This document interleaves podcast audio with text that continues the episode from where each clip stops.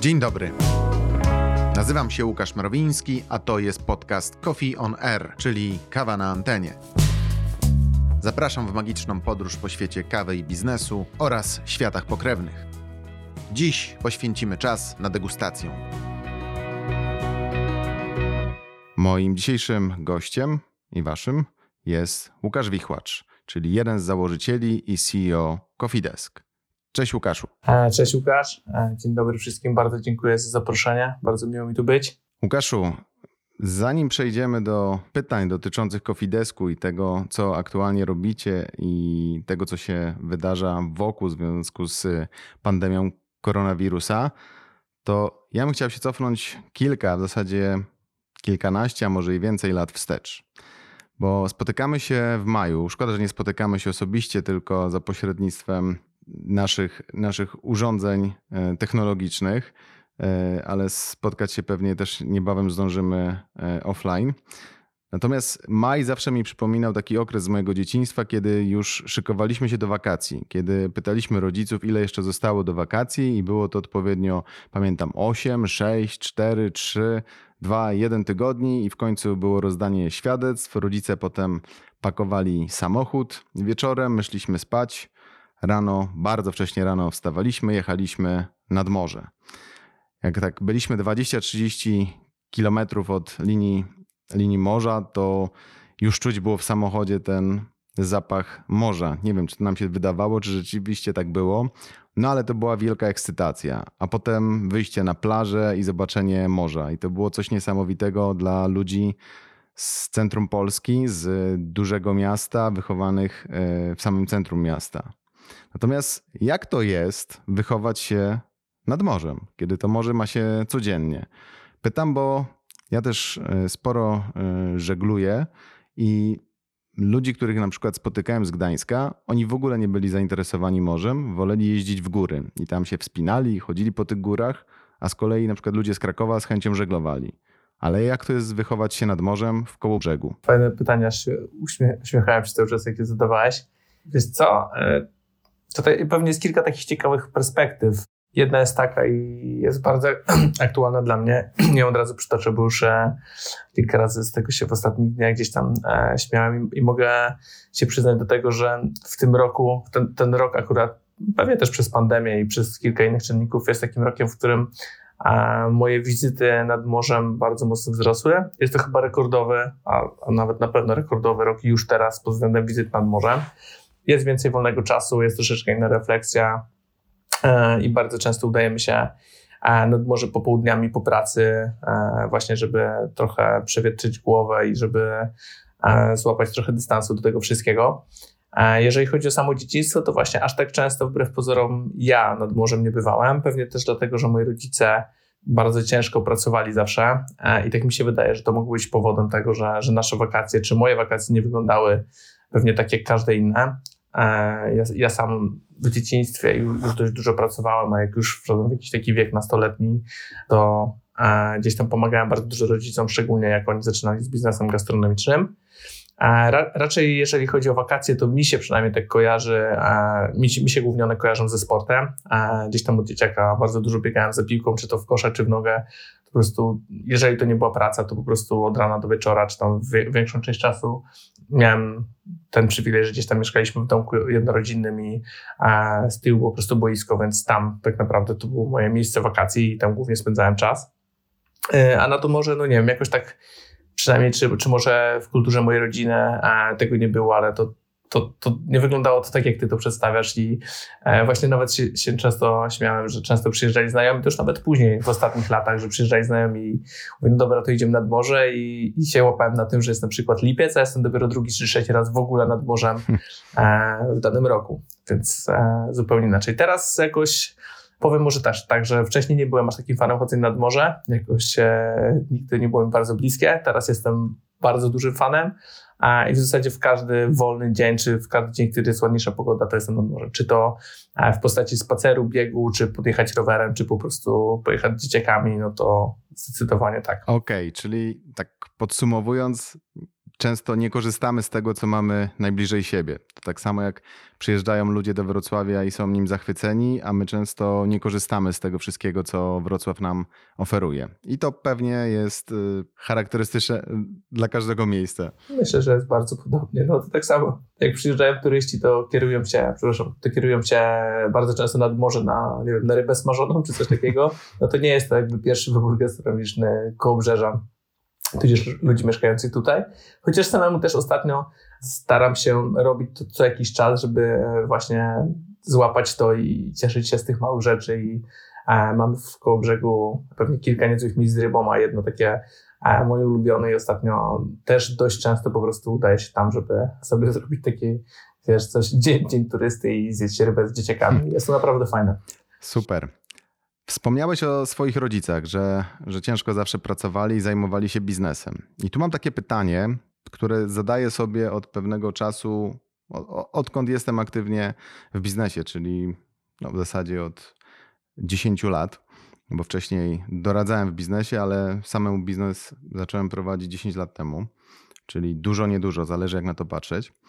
Ale zaobserwowałem, że ludzie, którzy pochodzą z rodzin mm, przedsiębiorców, gdzie rodzice prowadzili jakąś firmę i to z bardzo różnych branż, mają inaczej ustawione patrzenie na świat. Ten mindset e, dzieci przedsiębiorców jest zupełnie inny niż na przykład mój. Ja musiałem sobie go kształtować, musiałem e, uczyć się ryzyka, chociaż zawsze mm, lubiłem ryzykować i byłem raczej odważny z wchodzeniem w nowe tematy, ale mm, pewne rzeczy widziałem, że innym przychodzą łatwiej. Gdy mieli je wypracowane w domu, y, zostali w odpowiedni sposób nauczeni, widzieli też, y, co rodzice robią, to łatwiej im się działało w biznesie. I to dochodzenie do pewnych y, szczebli rozwoju, tak nazwijmy to biznesowego, przychodzi łatwiej ludziom, którzy pochodzą z rodzin biznesowych. Czy ty to czujesz u siebie? No myśl, myślę, że tak jest. No, mm, jeśli chodzi o moją rodzinę, moich rodziców, no to tata jest zdecydowanie tą osobą bardzo przedsiębiorczą i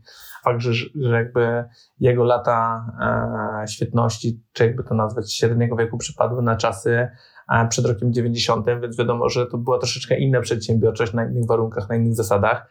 Natomiast on od wielu, wielu lat e, chwytał się różnych biznesów i różne biznesy rodzice prowadzili. Głównie to były biznesy związane z gastronomią, stąd też pewnie moje jakieś tam upodobania czy, czy smykałka do tego typu e, biznesu również. Natomiast prowadzili kilka biznesów gastronomicznych, były to też jakieś e, biznesy handlowe, więc, e, więc zdecydowanie tak. Mama może troszeczkę była po drugiej stronie medalu, więc nawet powiedział, że ona doradzała mi przez wiele lat to, żebym skończył studia i poszedł sobie do, do spokojnej i pewnej pracy i, i, i raczej, raczej zmienił tę ścieżkę, bo wydaje mi się, że mogła być czasem tym zmęczona. Natomiast no, oboje też e, przyzwyczaili mnie do tego, że w życiu bardzo ciężko się pracuje. Myślę, że to mogło nawet pójść trochę za daleko, jak teraz na to patrzę z dystansu. No ja staram się przynajmniej ostatnio, e, dużo bardziej mm, wydzielać ten czas, czas na pracę, czas na życie osobiste, czas na odpoczynek i tak dalej. No na samym początku, jak, e, czy jak zaczynając z biznesem gastronomicznym, czy z samym kofideskiem, no to, e, to też często nie było z tym umiaru i często robiło się bardzo dużo nadgodzin, czy, czy nie szanowało się tego czasu wolnego. Natomiast podsumowując e, odpowiedź, no to zdecydowanie, tak jak mówisz, no to, to, to, to co, jakby, wydaje mi się, że to jest tak, że obserwuje się, obserwuje się bardzo mocno rodziców, rodzice mają jednak bardzo duży wpływ na to, e, jak się funkcjonuje w późniejszym e, świecie. Ja widzę to nawet po, po swoich dzieciakach. Moja córa ma prawie 10 lat i, i nawet ona, myślę, że przysłuchując jakimś rozmowom czy, czy telefonom, często czego ja jestem, czy byłem nieświadomy, to potem ona potrafi mi zadać takie pytania na temat e, biznesu czy funkcjonowania nie wiem, chociażby naszej kawiarni czy restauracji, że, e, że, że nawet ona łapie bardzo dobrze tą perspektywę. Mhm. Więc myślę, że to, że to musi tak być, że przypatrujemy się temu i ten mindset po prostu tak się kształtuje, nie? No właśnie. Tak mi się wydaje. Czyli ty to czujesz i tak naprawdę wiedziałeś, z czym się wiąże prowadzenie firmy, z czym się wiąże przedsiębiorczość, bo bardzo często ludzie spoza biznesu mm, myślą, że to jest taki prosty kawałek chleba, gdzie wpada się na jakiś pomysł, ten pomysł potem się rozrasta, zarabia się na tym pieniądze i się jest szczęśliwym, szczęśliwym człowiekiem. I każdy przedsiębiorca to tak naprawdę trochę jedzie na farcie, tak to można ująć. E, I ludzie z zewnątrz nie widzą tego zaplecza, a to zaplecze to jest, krótko mówiąc, nieprzespane noce, ciężkie godziny. Mm, przedsiębiorcom się jest tak naprawdę 24 godziny, 7 dni w tygodniu. I, I z zewnątrz tego ludzie nie widzą. Dopiero jak zaczynają sami działalność, to to, to sami widzą. I ty, pomimo tego, że ty widziałeś e, po swoich rodzicach, że tak to wygląda, jednak zdecydowałeś się na to, żeby pójść w biznes. Ale czy tak e, było od początku? Może, czy pamiętasz swoje pierwsze zarobione pieniądze i, i na co je wydałeś? Pierwszych zarobionych to ja tak dokładnie nie pamiętam. Czasem rodzice opowiadają takie różne historie z, dzieci, z dzieciństwa i faktycznie coś jest z tym genem i z tą smykałką. Nie wiem na ile wierzyć moim rodzicom czy nie, ale podobno jak miałem już 3 czy 4 lata, to myślałem na jakimś jarmarku i sprzedawałem książki. Podobno sam chciałem to robić i, i tata mnie tam zostawiał na cały dzień. Aż mi trudno uwierzyć, że mnie teraz swojego, swojego synka zostawiał w takiej sytuacji. Ale faktycznie pewnie tak było potem, e, nawet w wieku jakimś tam szkolnym, licealnym, czy, czy, czy, czy na studiach, oprócz tego, że studiowałem i tak dalej, no to zawsze towarzyszyła mi jakaś mała, mogę to nazwać mała działalność. E, od bardzo, bardzo dawna interesuję się też rynkiem kapitałowym, więc w sumie jeszcze e, za czasów albo chyba początków liceum. No, nie mogłem mieć jeszcze swojego rachunku maklerskiego, więc grałem na giełdzie na samym początku przez rachunek taty, więc tych rzeczy gdzieś tam się przewijało trochę. Później przez kilka lat podczas studiów zamarzyłem o, o karierze profesjonalnego pokerzysty, co jeszcze wtedy było relatywnie legalne w naszym kraju. I, i w ten sposób też przez, przez długi czas się utrzymywałem. Było pewnie jeszcze kilka innych biznesów. Finalnie takim prawdziwym, pierwszym pełnoprawnym biznesem było dołączenie do spółki brata i, i rozpoczęcie działalności w formie prowadzenia restauracji, którą notabene wcześniej prowadzili moi rodzice w pewnym momencie zdecydowali się udać na emeryturę. Zaczął to prowadzić mój brat, później zaprosił mnie do spółki i, i, i wtedy to się zaczęło. To był e, rok 2007, jeżeli dobrze pamiętam, czyli jakieś 12-13 lat temu. No i to był ciężki kawałek chleba naprawdę, bo to było takie prowadzenie gastronomii, e, gdzie prowadziliśmy to we dwójkę ze swoimi partnerkami, potem żonami. I to było też prowadzenie biznesu, czyli jakby taka, taka ca cała przedsiębiorczość, natomiast łącznie ze wszystkim, co się dzieje w restauracji. Ja z Dawidem, z moim bratem staliśmy na kuchni dziewczyny z przodu, czyli, czyli obsługi kelnerska i tak dalej. W sezonie letnim praca od godziny 8 do 23 codziennie, bez dnia wolnego przez cały sezon letni, także z, całymi tymi urokami e, kilkuset godzin w miesiącu pracy. Że teraz e, wspominam to z mega uśmiechem i z mega to są bardzo fajne wspomnienia, natomiast no, no, wtedy momentami było naprawdę ciężko. Hmm. No i faktycznie, tak jak mówisz też, nie? Do, do tego dochodzi na pewno stres, nieprzespane jakieś tam noce. E, pamiętam, jak w ogóle uruchomiliśmy ten biznes i podjęliśmy się odpalenia restauracji na nowo, po remoncie, wymyśliliśmy sobie, jak to ma wyglądać, e, dokonaliśmy lekkiej przebudowy lokalu. Oczywiście, tu podkreślę, no bo to wydaje mi się bardzo częsta, częsta praktyka przy, przy takich startujących przedsiębiorcach, skończyła nam się kasa, e, nie otworzyliśmy lokalu w tym momencie, w którym mieliśmy go otworzyć, dług się pogłębiał, kilka dodatkowych tygodni jeszcze. Oczywiście nie było to też dobrze przeliczone, więc wydatki na całą inwestycję oczywiście mieliśmy założone za małe. No i to był przeogromny stres. I potem tak naprawdę odbijanie się z tego przez kilka dobrych lat. Także no to był na pewno ciężki czas i, i teraz mówię, to fajna perspektywa, fajnie na to spojrzeć, bardzo wiele wyniesionej wiedzy, e, no ale wtedy to było naprawdę bardzo stresujące. No właśnie, ale to też jest bardzo charakterystyczne dla większości przedsiębiorców, że gdy dochodzą do jakiejś trudnej sytuacji, gdy, gdy jest jakiś problem, to zazwyczaj się nie poddają. Znaczy, ja myślę, że w ogóle takie problemy weryfikują to, czy ktoś jest, y, nadaje się na bycie przedsiębiorcą, czy nie, bo pytanie jest zawsze, co, co z tym problemem zrobił, jak sobie poradził i czy wyciągnął wnioski na przyszłość. I, I z tego, co ty opowiadasz, to tak naprawdę to te rzeczy, które wypracowałeś wcześniej, jeszcze przed, przed Kofideskiem, to ja zakładam, że one potem procentowały w kolejnych latach. Myślę, że tak, tak mogło być i, i często też e, wracamy z chłopakami e, sentymentalnie, z wspomnieniami i w Coffee Desku też mieliśmy kilka takich sytuacji, mm, gdzie nasz biznes e, w zasadzie z dnia na dzień nie wiem, tracił kilkadziesiąt procent przychodów, bo coś się stało. I faktycznie mieliśmy momenty zawahania, ale nigdy się nie poddawaliśmy. Bardzo szybko wychodziliśmy na prostą, jeśli chodzi oczywiście, mam na myśli o nasz tok myślenia i, o nastawienie, bo, bo, bo w tym jest właśnie siła. I możliwe, że, że to się z tym wiązało. No dla mnie to, to pierwsze otwarcie tej restauracji, to, to wtedy, no, no pamiętam jak dzisiaj, no, dla, dla młodego chłopaka, który jakby całą kasę, którą miał odłożoną, e, wszystko za, za, zainwestować, wszystko postawić na jedną kartę i ten budżet się skończył definitywnie i potem pamiętam załatwianie kasy, pożyczanie gdzieś po rodzinie, po znajomych, e, gdzie jeszcze tak naprawdę e, kilka tygodni mieliśmy opóźnienia i nie mieliśmy żadnego strumienia przychodów, to to było naprawdę na tamte czasy, to było naprawdę czymś ciężkim. No i może faktycznie później, wydaje mi się, że w którymś momencie już przestaje cię to aż, aż tak stresować, e, że nawet jak masz duży problem, to nie wiem, jakoś po prostu zdajesz sobie sprawę, że, że, że ten problem z firmą tak naprawdę nie jest niczym aż tak wielkim w stosunku do innych wydarzeń, które masz w życiu, mhm. bo że początkujący przedsiębiorcy trochę jakby za dużo sobie, za mocno to biorą na siebie, bo finalnie to, to że ok, nie masz kasy i, i nie wiem, nie możesz zamknąć kolejnego miesiąca w stosunku z tym, że z, nie wiem, z jakąś ciężką chorobą, z czymś, co się dzieje w rodzinie. E, ludzie mają naprawdę duże problemy i wydaje mi się, że na początku, jak się jest takim młodym przedsiębiorcą, to człowiek jest taki, na pewno to ego ma zupełnie gdzieś indziej i, i zupełnie in, innymi rzeczami się człowiek stresuje, to wtedy to jest takie bardzo żebym to dobrze ujął słowami, że dla ciebie ta firma to jest już w ogóle koniec świata i mhm. jak nie masz kasy na wypłaty, to już w ogóle świat się kończy.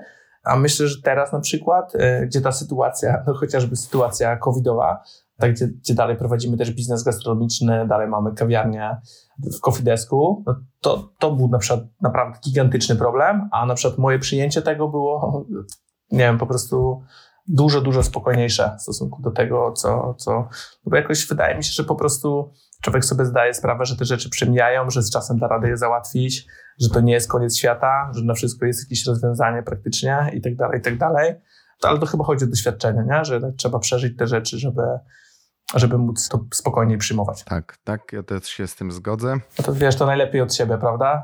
Że, tak. że dla, dla, was, dla, dla, waszej firmy to też była gigantyczna rzecz, a nawet jak gdzieś tam rozmawialiśmy, to, to ty szukałeś cały czas szans i, i perspektyw i, i to chyba jest takie no taki element trochę dojrzałości. Tak, ja myślę, że to przychodzi z czasem i z doświadczeniem i tego, tego może nie da się w domu wypracować, ale może e, mentalnie mm, jesteśmy na to lepiej przygotowani. No dobra, to, to twoja perspektywa, ale Cofidesk to, to trzech założycieli, czyli hmm. oprócz ciebie jeszcze Jacek i Marcin. Czy oni pochodzili z rodzin przedsiębiorczych? Znaczy, chłopaki pochodzą z jednej rodziny, bo są braćmi. Tak, tak, oczywiście. i czy oni pochodzą z przedsiębiorczej rodziny. Fakt, że e, znaczy, no nie mi to cenię, to myślę, że chłopaki sami powinni to cenić, natomiast mm -hmm. no chyba nie aż tak do końca, w sensie ich rodzice nie prowadzili jakiegoś biznesu, chociaż ich mama, jak teraz e, patrzymy czasem, też, też z uśmiechem na to spoglądamy, jak ona jest e, przedsiębiorcza, ile rzeczy robi. E, tata chłopaków wpływa, jest marynarzem. E, więc jest to pewnie trochę inna perspektywa. Natomiast no też, e, też tego, co zawsze opowiadają, to też na początku u nich w rodzinie też tej kasy nie było, też się nie przelewało, więc też mają jakieś takie swoje wspomnienia fajne, jak tam e, na małej kawalerce w jednym pokoju mieszkali przez długi czas w czwórkę i tak dalej, więc może bardziej ta perspektywa jakiejś tam skromności i tak dalej, że dla nich ta sytuacja te, też jest czymś innym. Natomiast nie wiem, my, my, od początku z chłopakami znamy się dość długo, razem też studiowaliśmy, razem mieszkaliśmy podczas studiów. I od początku mieliśmy taki, jakiś taki mały, taki mały vibe, żeby zrobić coś razem, żeby zrobić coś wspólnie którymś momencie coś się zadziało i potem to szło. I chłopaki myślę, że też mają taką perspektywę, że zawsze to też tak patrzymy, nie wiem, że oboje na przykład grali w gry strategiczne mhm. E, w dzieciństwie, czy na przykład, że Jacek też, e, akurat z Jackiem na studiach razem graliśmy w pokera, w sensie, że też był, że też, że też bardzo fascynował go poker i, i granie w pokera. To, są to takie rzeczy, które jak sobie na to czasem patrzę, nieodzownie łączą się z przedsiębiorczością, jak chyba jak dużo czytam o, różnych osobach, jakby zrobić takie badania, to na przykład poker jest jedną z takich dziedzin, która bardzo często się pojawia gdzieś wśród ludzi, którzy, e, którzy tworzą biznesy, zarządzają biznesami, zakładają biznesy. A podobnie jest na przykład, nie wiem, z grami strategicznymi, czy e, za dzieciaka wiele z tych osób grało, nie wiem, w Warcrafta, w Starcrafta, czy w jakiegoś piłkarskiego menadżera. Mhm.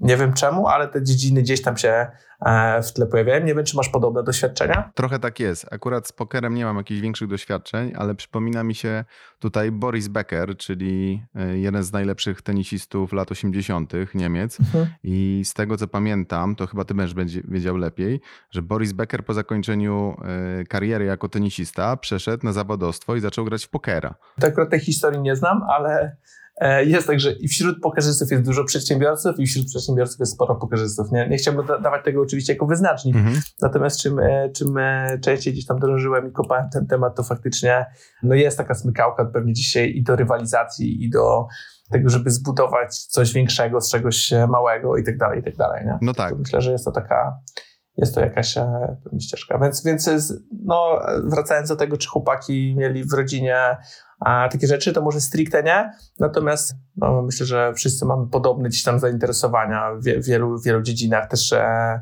mhm.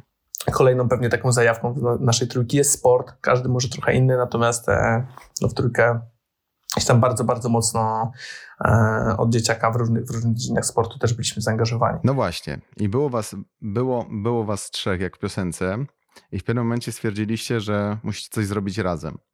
I najpierw była ta akcja, której ja szczegółów nie znam, e, z tym zakupem ziemi rolnej, a potem była akcja pod tytułem Coffee Desk, a w zasadzie nie Coffee Desk, tylko najpierw chyba Coffee Trader. Dokładnie tak. I to pamiętam, e, bo kiedy ja zaczynałem z kawą i przeglądałem strony internetowe w Polsce, to właśnie na was trafiłem, bo to było mniej więcej w tym samym czasie, czyli ten początek 2012 roku.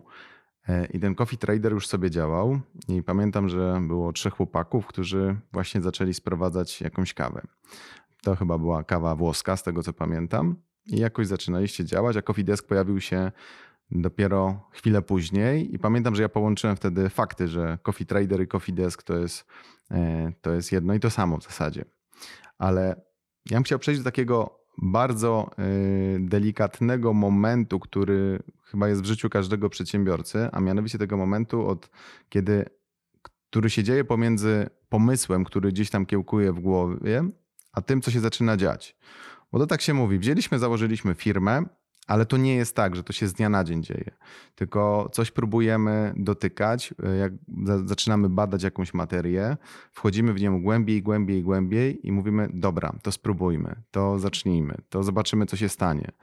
Bo pomimo, że e, mój, mój bardzo ulubiony e, pisarz, czyli Stephen Covey, w siedmiu nawykach skutecznego działania mówi o tym, że należy zaczynać z wizją końca to tak naprawdę większość biznesów, tych takich pierwszych, ja już nie mówię jak, jak przedsiębiorca już potem rozwija kolejne biznesy, nie ma tej wizji końca. Próbujemy coś zrobić, zakładamy, że coś chcemy osiągnąć, a potem sytuacja się zmienia, rzeczywistość y, zmienia nam te tory, przestawia zwrotnicę to w lewo, to w prawo, a my jedziemy dalej. A potem my zaczynamy tą y, zwrotnicę przestawiać i różne rzeczy się dzieją.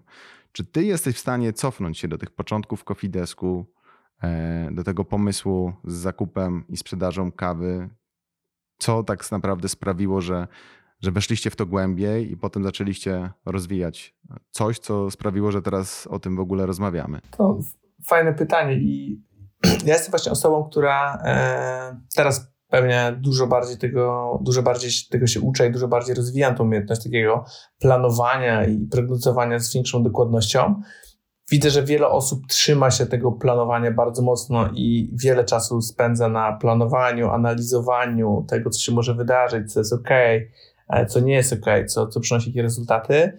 Myślę, że my akurat w trójkę, szczególnie ja z Jackiem, pewnie zawsze byliśmy takimi osob osobami aktywnymi i e, raczej prowadziliśmy do działania, a trochę później myśleliśmy o efektach tego, co, co, co się zadzieje. No bo tak samo jak my zakładaliśmy na samym początku, tak jak powiedziałeś, dokładnie tak było Coffee Tradera, bo wymyśliliśmy sobie, że, że branża kawy jest dla nas interesująca i że w tej branży e, może, może się dużo wydarzyć, a tak naprawdę konkurencja nie jest aż tak duża na samym początku, więc takie były nasze pewnie pierwsze przemyślenia.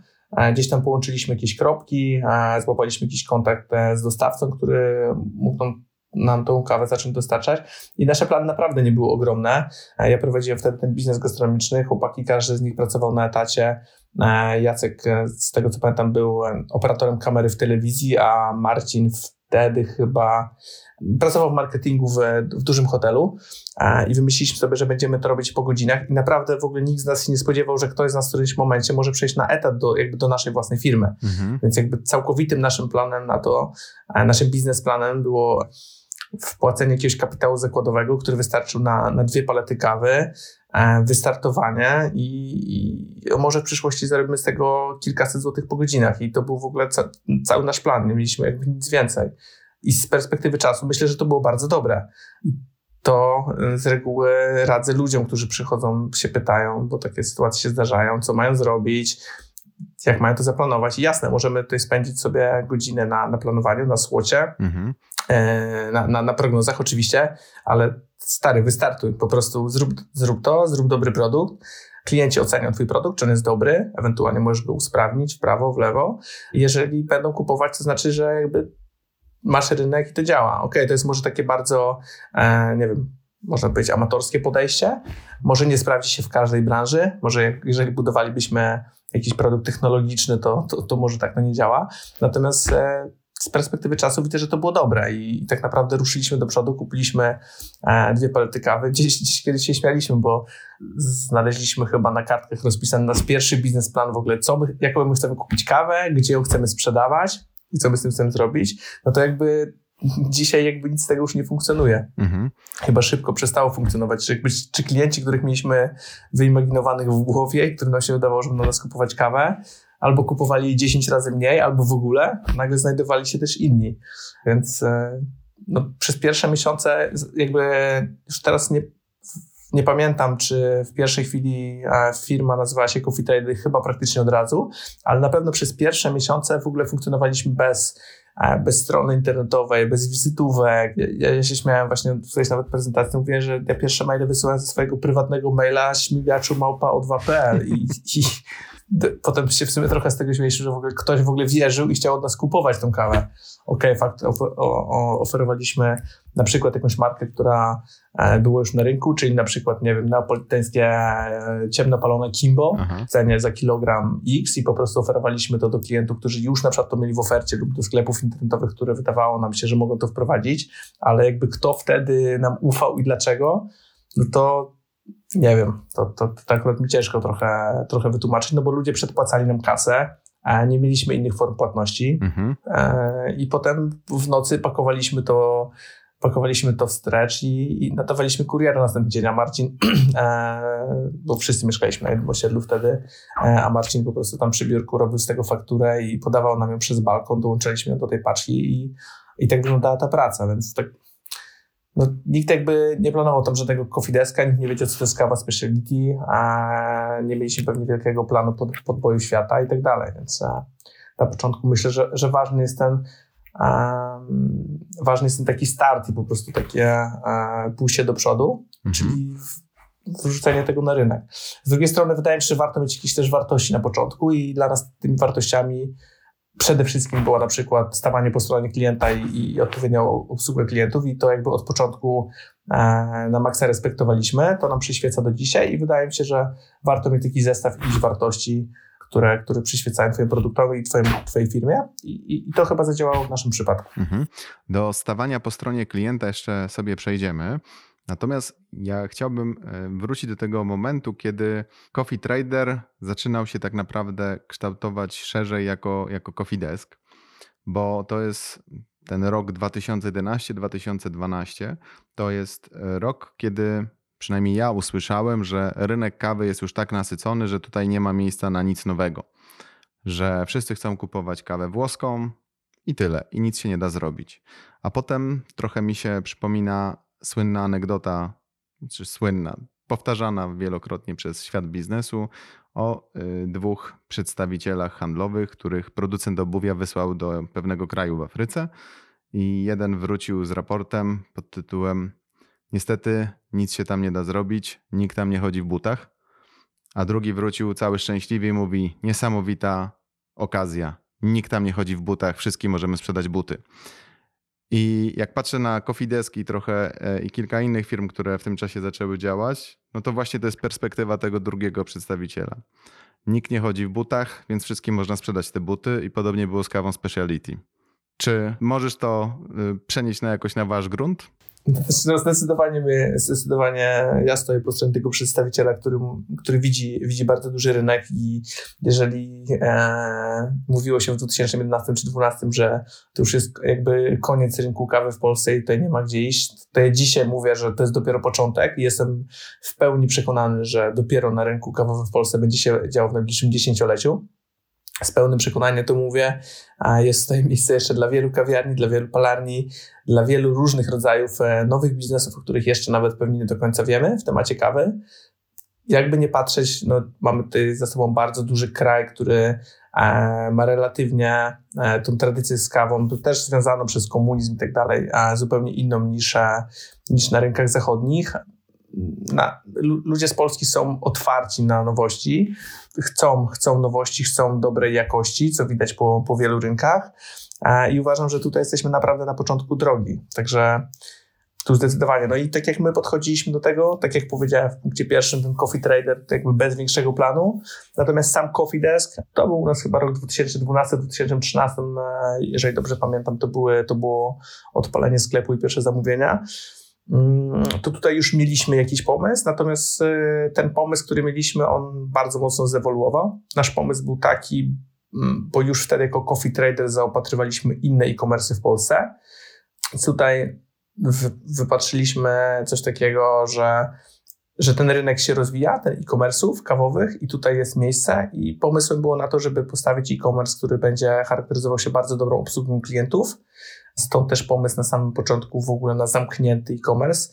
E, nie wiem, czy pamiętasz, ale na samym początku do Coffee Desku, żeby w ogóle mhm. zrobić zakupy, tak. trzeba było się zalogować. To był bardziej taki klub zakupowy. Mhm. Taki, taki, taki był na to pomysł, który okazał się pomysłem nietrafionym, więc znowu, ok, fajnie sobie coś zaplanować i założyć, natomiast myślę, że tutaj to, że szybko gdzieś tam zrobiliśmy taki pivot, to, to nas uratowało i otworzyliśmy stronę i wtedy powolutku to zaczęło ruszać. Gdzieś pewnie miało to też duży wpływ na, na SEO, na pozycjonowanie, mm, na to, jak, jak, widzi, jak widzi internet nasze, naszą stronę, nasz e-commerce.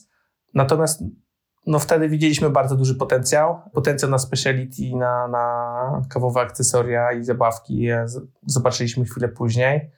E, no i tutaj e, widać, że faktycznie byliśmy jak to Jacek, Jacek czasem się śmieje i mówi, w do, jakby w dobrym miejscu i w dobrym czasie.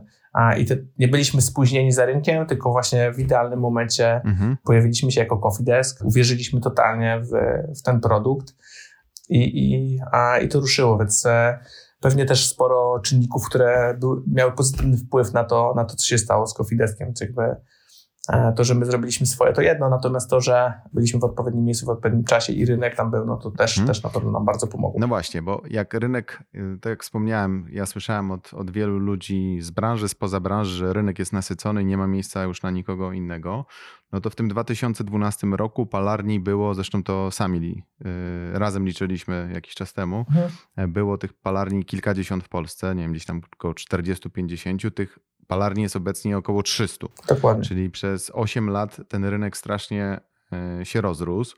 Ludzie zaczęli wiedzieć, co to jest kawa z rzemieślniczej palarni, nawet niekoniecznie speciality, ale e, kawa, która jest zrobiona po prostu gdzieś, gdzieś lokalnie przez kogoś, kto, kto to potrafi zrobić, że niekoniecznie musi to być y, wielki brand światowy. I ludzie zaczęli to doceniać. Z drugiej strony w ogóle trendy na y, rzemieślnicze jedzenie, bo to nie tylko kawa, ale, ale piwa, które przeżyły niesamowitą rewolucję. Y, cała, cała żywność również te, te trendy nią kierują, więc zmienia się nastawienie i ludzie łatwiej to wyłapują. I tak jak powiedziałeś, ten rynek się jeszcze będzie bardzo mocno rozwijał. Ale tak naprawdę to, co zadecydowało, że, y, że, że Coffee Desk y, tak się dobrze rozwijał, bo w momencie, kiedy wystartowaliście, to już było kilku konkurentów na rynku i oni jakoś tam sobie radzili, a jednak Wam udało się y, zdobyć odpowiednią pozycję na rynku. I ja upatruję trochę przyczyn w tym, e, popraw mnie, jeżeli się mylę, e, w waszej kulturze organizacyjnej, w tego, jak Cofidesk wygląda od wewnątrz, bo jest ta wasza opowieść e, o która jest trochę zaczerpnięta z historii Zapos od Tonego Sajach, nie wiem czy jak go odmienić, Sajacha, czyli Delivering Happiness, czyli polski tytuł, przypomnij mi, Dziel się. W, w, pogoni, w pogoni za szczęściem? Nie. nie, nie, nie. Mówię o książce e, Delivering Happiness. Tak, tak, tak. Właśnie to jest najbardziej angielski tytuł, e, ale rozdajemy ją u siebie I, nawet. I wiem, i pamiętam, że, że ona była gdzieś takim mm, waszym trochę przewodnikiem po tym, w jaki sposób y, należy traktować klienta. Dawaj innym szczęście. Dawaj innym szczęście, dokładnie. Taki polski tytuł. I, I wiem, że kiedyś, kiedyś wasi pracownicy dostawali obowiązkowo jaką lekturę, przynajmniej ja tak słyszałem, yy, chyba od Kamila. I czy to jest nadal pozycja obowiązkowa? Tak. Bo to jest świetna książka. Ona pokazuje, w jaki sposób należy podchodzić do klienta e, i ona tworzy w pewien sposób kulturę organizacyjną. A jak kultura organizacyjna jest w odpowiedni sposób ukształtowana, to klient to czuje, to widzi, no i przez to staje się lojalny i związuje się z firmą na długo. E, no zdecydowanie tak. Czy, czy to jest jakby, e, czy to jest głównym powodem naszego wzrostu i tego, gdzie, gdzie jesteśmy teraz? E, no pewnie jest x takich czynników. Natomiast no, mi jako współzałożycielowi, osoby, która zarządza firmą, zawsze bardzo na tym zależało. Od pierwszego dnia, kiedy, kiedy jeszcze no, tak naprawdę sami na początku obsługiwaliśmy klientów, czy to biznesowych, czy niebiznesowych, czy, czy, czy przy samym e-commerce. E, no to zawsze mi przyświeca ta zasada, że z mojego punktu widzenia no, klient jest osobą, która przychodzi i chce kupić nasze usługi, tudzież produkt i jakby w pełni odpowiedzialna za nasz sukces jest jednak klient zadowolony, powracający. No bo jeżeli nie będzie tego klienta, jeżeli nie będzie chciał do nas wrócić z jakiegoś powodu, e, no to biznes leży. Mm, no myślę, że przelanie tego w taką filozofię Coffee Desk, e, Supreme Service, że naprawdę stajemy na głowie, żeby pomóc klientowi i, i, i, pomóc mu w całym procesie zakupów i to, żeby on był zadowolony. No ja na to tak patrzę, że no jeżeli ktoś wybiera nasz produkt, naszą usługę i, i kupuje kawę, no może to kupić w każdym, w każdym jakimkolwiek innym sklepie. Więc to, że my wyślemy tą kawę dzisiaj natychmiast na czas, żeby ją jutro e, w dobrej cenie, ładnie zapakowane i że damy mu wszystkie informacje, to nie jest jakby nic nadzwyczajnego. To jest dopiero początek w ogóle tego, co powinniśmy -hmm. mu zaoferować. Jakby nie wyobrażam sobie w ogóle zupełnie, że, że może być inaczej. Dla mnie takie biznesy usługowe, czy nie wiem, to łatwo czasem zerknąć na biznesy gastronomiczne, że idziemy, płacimy, płacimy za to, żeby ktoś przygotował nam jedzenie, nas obsłużył i jeżeli tam są jakieś no, niedopatrzenia czy coś, ja, ja, nie jestem w stanie tego zrozumieć. Oczywiście nie mówię, że jakby u nas wszystko działa perfekcyjnie, bo to nie, nie o to chodzi, a zawsze są miejsca do ulepszeń i to jakby czym większa skala, tym nawet tych miejsc pewnie jest więcej. Widzimy to w biznesie gastronomicznym i w biznesie handlowym. Natomiast wydaje mi się, że ta wola po stronie przedsiębiorcy, po stronie dostawcy, po stronie oferującego powinna być ta wola dostarczenia usług na najwyższym możliwym poziomie. E, więc zdecydowanie tak, a wracając do tych historii Zaposa, e, to jeżeli dobrze pamiętam e, swojego czasu na pierwszym roku studiów studiowałem z e, Karolem Wnukiewiczem, e, którego serdecznie pozdrawiam. To jest jeden ze współzałożycieli e, akurat wrocławskiej firmy Brand24. Mhm. Kiedyś dawno, dawno temu przyjechał do Kołobrzegu, się z nim spotkałem i on mi polecił dwie książki. Właśnie jedną z tych książek był właśnie Tony i, Historia Zaposa, a drugą książką był Rework. I ja przeczytałem te dwie książki i to w ogóle zmieniło mój, mhm. mój mindset na tamten czas. Tak jakby pokazało mi w ogóle rzeczy, które nie wiem, które ro, robią ludzie gdzieś na przykład po drugiej stronie oceanu. Jakoś chyba wcześniej nie sięgałem za bardzo po takie jakieś startupowe podręczniki czy, czy historie ludzi związanych e, ze światem startupowym. Od tego czasu wydaje mi się, że trzeba dużo, dużo więcej takiej literatury czytać.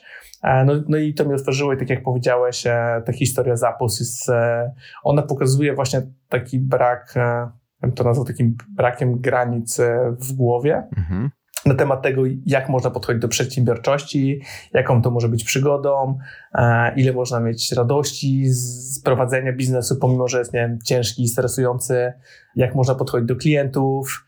Pewnie jeszcze takich książek jest kilka i, no i faktycznie one gdzieś tam, e, przynajmniej w moim przypadku, otworzyły e, głowę na pewne rzeczy i od tego czasu na pewno myślę, myślę inaczej i, i postrzegam świat inaczej, jeśli chodzi o biznes. Czyli tak naprawdę dwie książki wywołały w tobie efekt, który, który, mm, o którym opowiada trzecia książka. Mam na myśli Błysk Malcolma Gladwella.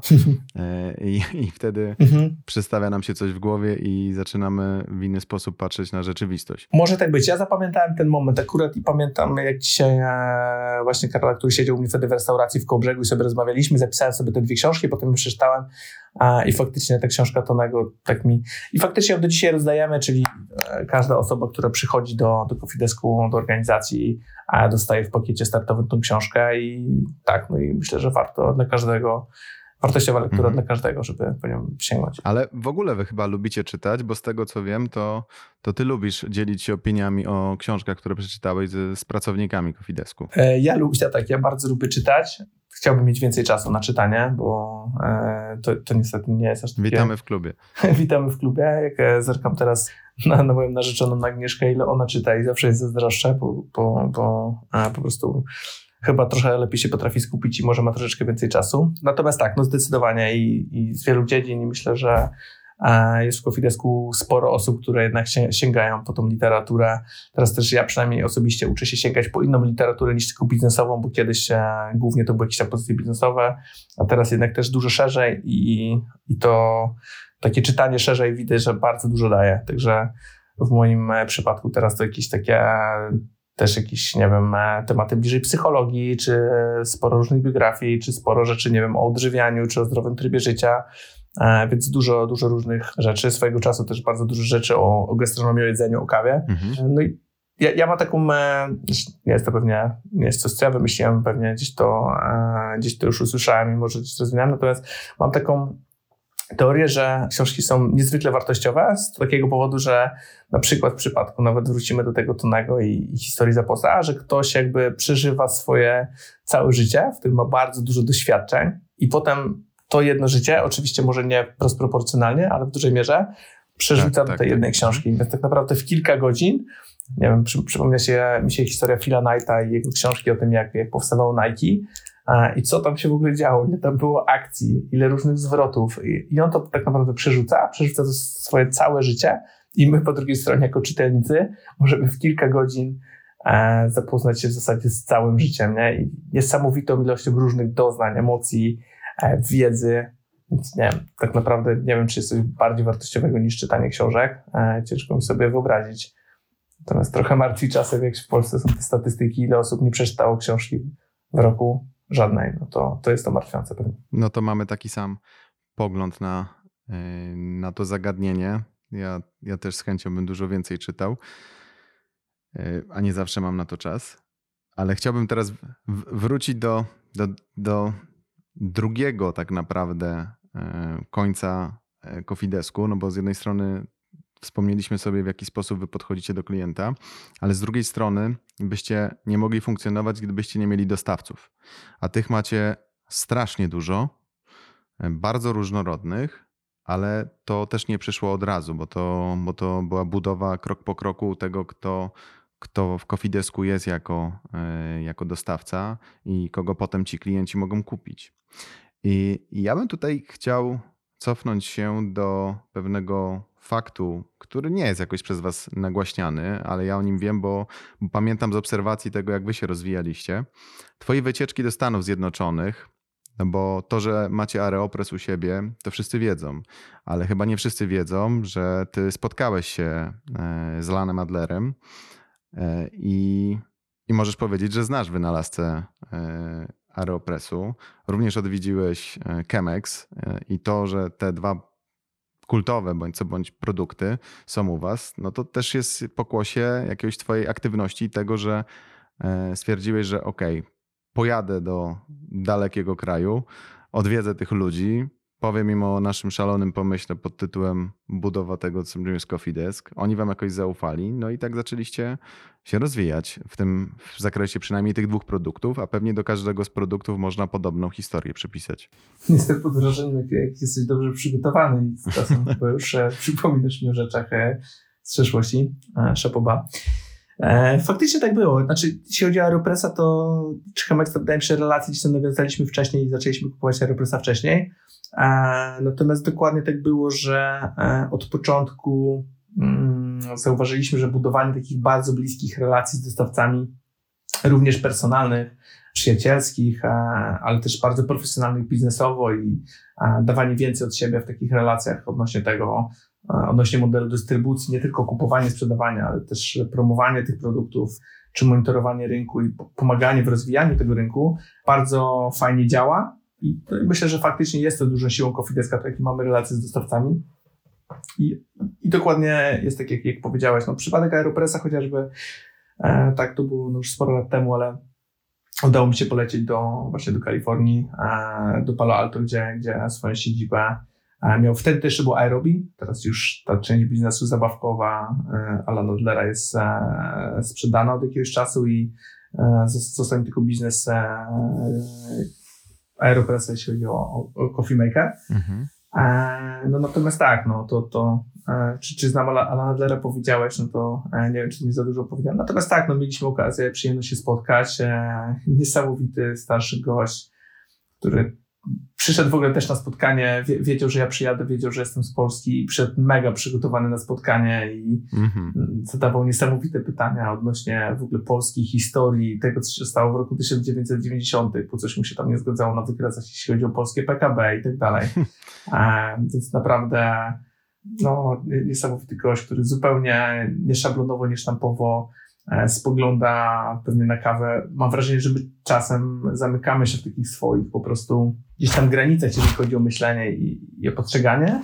E, tam po drugiej stronie świata mieliśmy gościa, który bardzo lubił pić kawę, no i po prostu jest wynalazcą. E, wynalazcą ze Stanfordu, wcześniej zajmował się głównie innowacjami na rynku, na rynku właśnie zabawek, czy tam tych latających dysków. Notabene jeden z tych robi teraz, żebym, żebym nie skłamał, jest e, jakiś rekord Guinnessa, jeśli chodzi o to, ile tam metrów zostało tym, tym rzucone. E, ale gość po prostu lubił pić kawę i stwierdził, dobra, e, popracuję nad, nad czymś, nad jakimś akcesorium, którym będę mógł w łatwy sposób zawsze i wszędzie zaparzyć kawę. E, no i w ten sposób powstaje Aeropress, który dopiero później e, wszedł na taki masowy rynek, zaczęły się, rozpoczęły się mistrzostwa krajów, aeroprys świata, aeroprys i tak dalej, tak dalej, więc on w ogóle jakby to nie był jego pierwszy plan. Znowu chyba to, że ta taka, takie spojrzenie na produkt, czyli zafiksowanie się na tym, żeby najpierw powstał bardzo dobry produkt, a potem myślenie o tym, co się stanie dalej, nawet nie myślenie czasem o tym, co będzie dalej, to jest jednak chyba wyznacznikiem sukcesu i mam wrażenie, że jak się przyjrzymy różnym brandom, które się wybijają, czy różnym produktom, które, które zdobywają sukces na całym świecie, to bardzo często ta historia jest podobna.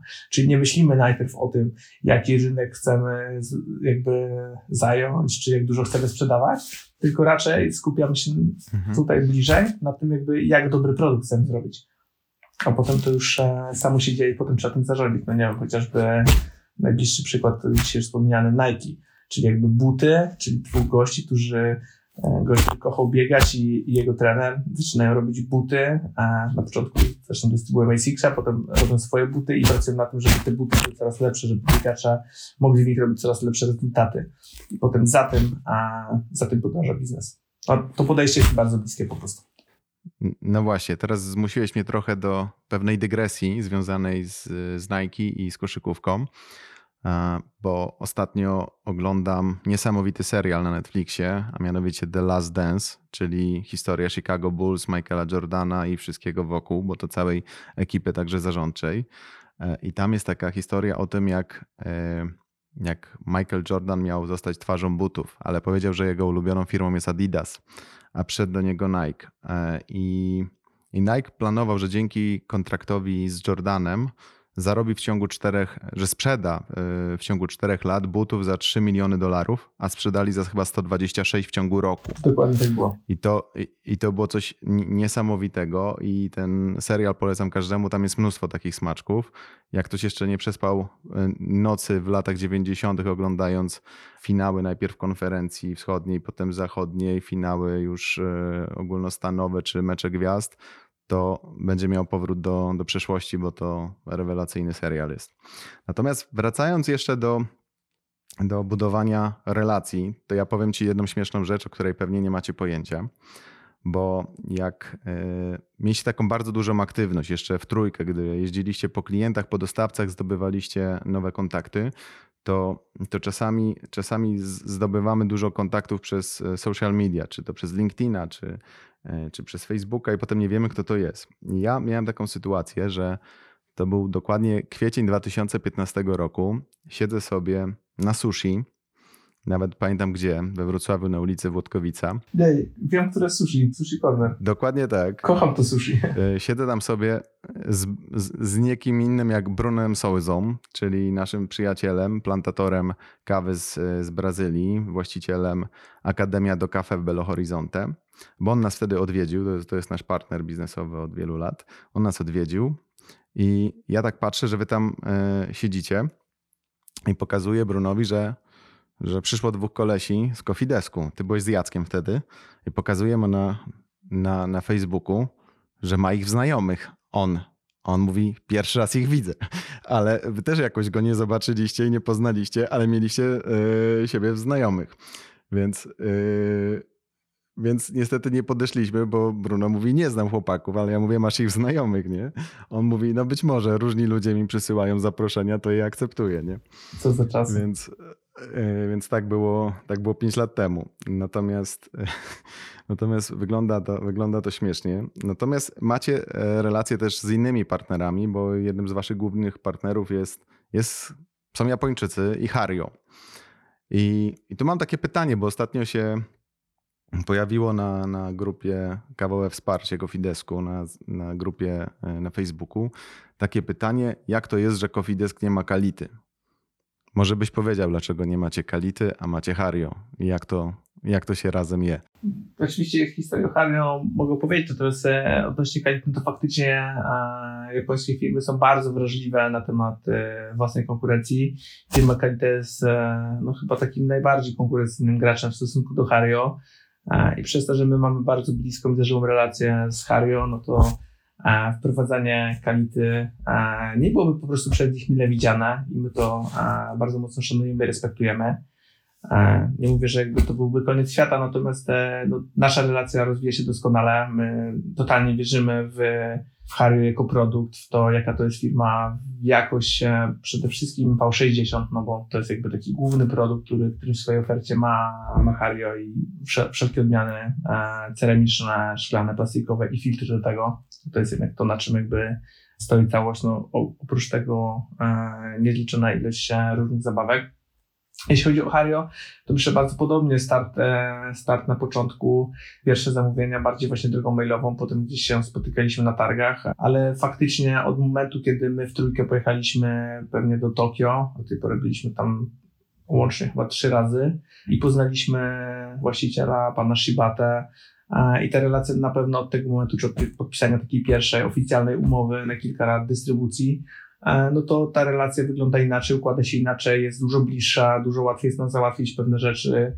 My ze swojej strony, nam też zależy na podpisywaniu takich umów, na takiej bliskiej relacji, e, bo wtedy po prostu możemy zainwestować więcej ze strony Coffee Desk. E, nie chodzi mi tylko o stronę finansową, ale również o takie podejście do współpracy i zaangażowanie z naszej strony, czy to w e-commerce, czy, czy B2B, tego jak mocno stawiamy na dany brand, no bo wiadomo, że jeżeli jesteśmy zabezpieczeni w pewien sposób i umowami, i relacjami, no to jest nam łatwiej inwestować, bo inwestujemy w przyszłość. Pewnie też dlatego, że kilka razy zdarzyło nam się nie wiem, rozpocząć współpracę z danym brandem, rozpocząć sprzedaż, e, mnóstwo działań sprzedażowych, mnóstwo energii, a no potem na przykład po roku się okazywało, że nawet za naszymi plecami czy coś e, następowała zmiana dystrybutora, czyli taki prawdziwy, twardy biznes. To pewnie na samym początku, jak jeszcze byliśmy dużo mniej doświadczeni, no to, to był dla nas niezły kopniak.